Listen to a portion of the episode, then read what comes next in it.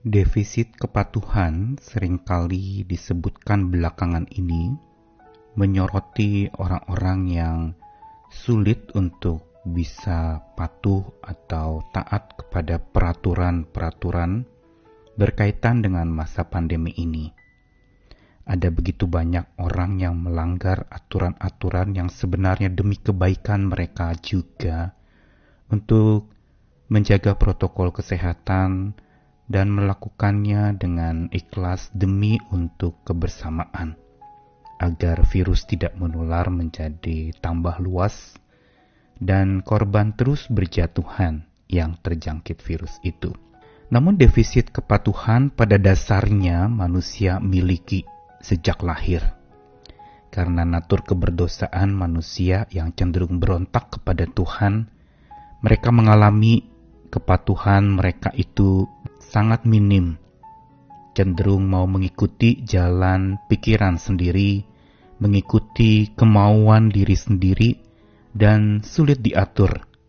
Mungkin suka mengatur orang, tetapi tidak suka dirinya untuk diatur. Ditambah lagi dan dibumbui dengan kekerasan hati yang begitu menguasai diri, sehingga defisit kepatuhan makin bertambah tinggi. Patuh melakukan menjadi hal-hal yang begitu langka belakangan ini. Namun apa sumbernya? Selain memang dosa dan pelanggaran manusia itu yang cenderung berontak. Sesungguhnya defisit kepatuhan itu terjadi karena jiwa setiap orang mengalami defisit kasih Tuhan. Inilah yang menyebabkan makin kurangnya kasih kepada Tuhan, Makin orang memikirkan hanya dirinya sendiri saja dan tidak peduli dengan aturan-aturan yang ditetapkan untuk dilakukan dengan benar. Apalagi aturan-aturan dari firman Tuhan yang dilanggar begitu saja karena kekerasan hati dan ego manusia yang memimpin dirinya, sehingga defisit kepatuhan menjadi makin-makin bertambah di dalam kehidupan manusia saya Nikolas Kurniawan menemani di dalam Sabda Tuhan yang akan menyapa lagi.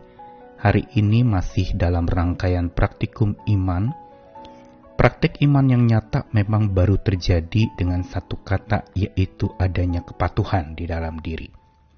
Ayat yang akan dibacakan pertama-tama adalah dari Injil Yohanes pasal yang ke-14 ayat yang ke-21 Barang siapa memegang perintahku dan melakukannya, dialah yang mengasihi aku.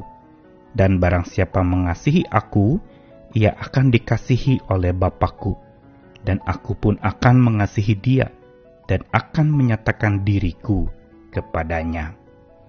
Lalu ayat kedua dari Efesus pasal yang kelima ayat yang pertama, Sebab itu jadilah penurut-penurut Allah seperti anak-anak yang kekasih. Dan satu lagi dari surat Yakobus pasal 3 ayat 17. Tetapi hikmat yang dari atas adalah pertama-tama murni, selanjutnya pendamai, peramah, penurut, penuh belas kasihan dan buah-buah yang baik, tidak memihak dan tidak munafik. Sepanjang catatan sabda Tuhan, memang manusia yang cenderung memberontak itu menjadi sulit untuk patuh. Padahal Tuhan sudah tegas dan dengan jelas mengingatkan bahwa setiap ketidakpatuhan, ketidaktaatan kepada Tuhan akan berdampak buruk di dalam kehidupan manusia secara pribadi maupun masyarakat luas atau sebuah bangsa dan negara bisa rusak dan hancur hanya karena ketidakpatuhan itu.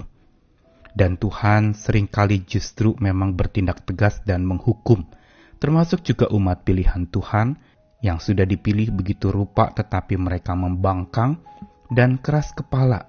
Mereka tidak mau mendengarkan suara Tuhan, sehingga tidak pelak lagi Tuhan maka menyatakan hukumannya untuk mereka jerah, dan akhirnya mereka mau tunduk dan takluk, serta patuh kepada Tuhan.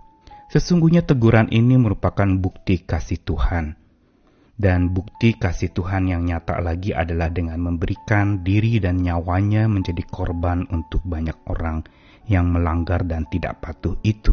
Dan Tuhan Yesus jelas di dalam Yohanes pasal 14 ayat 21 mengatakan bahwa bukti orang yang mengasihi Tuhan itu adalah memegang perintah Tuhan dan melakukannya. Berarti ada kepatuhan di sana. Dan barang siapa yang mengasihi Tuhan, itu balasannya jelas yaitu ia akan dikasihi oleh Bapa dan Tuhan akan mengasihi dia dan akan menyatakan diri kepadanya. Dan begitu pula di dalam Efesus, Paulus ingatkan kepada jemaat di Efesus untuk menjadi penurut-penurut Allah seperti anak-anak yang kekasih. Atau Paulus ingin mengatakan bahwa orang atau anak-anak yang penuh dengan kasih Tuhan, dia akan jadi penurut-penurut. Punya sikap tunduk, sikap patuh, tidak suka memberontak, dan Yakobus mengingatkan lagi dengan satu penekanan, surat Yakobus kita tahu berbicara tentang iman yang dipraktikkan secara nyata dalam tindakan-tindakan nyata dan konkret.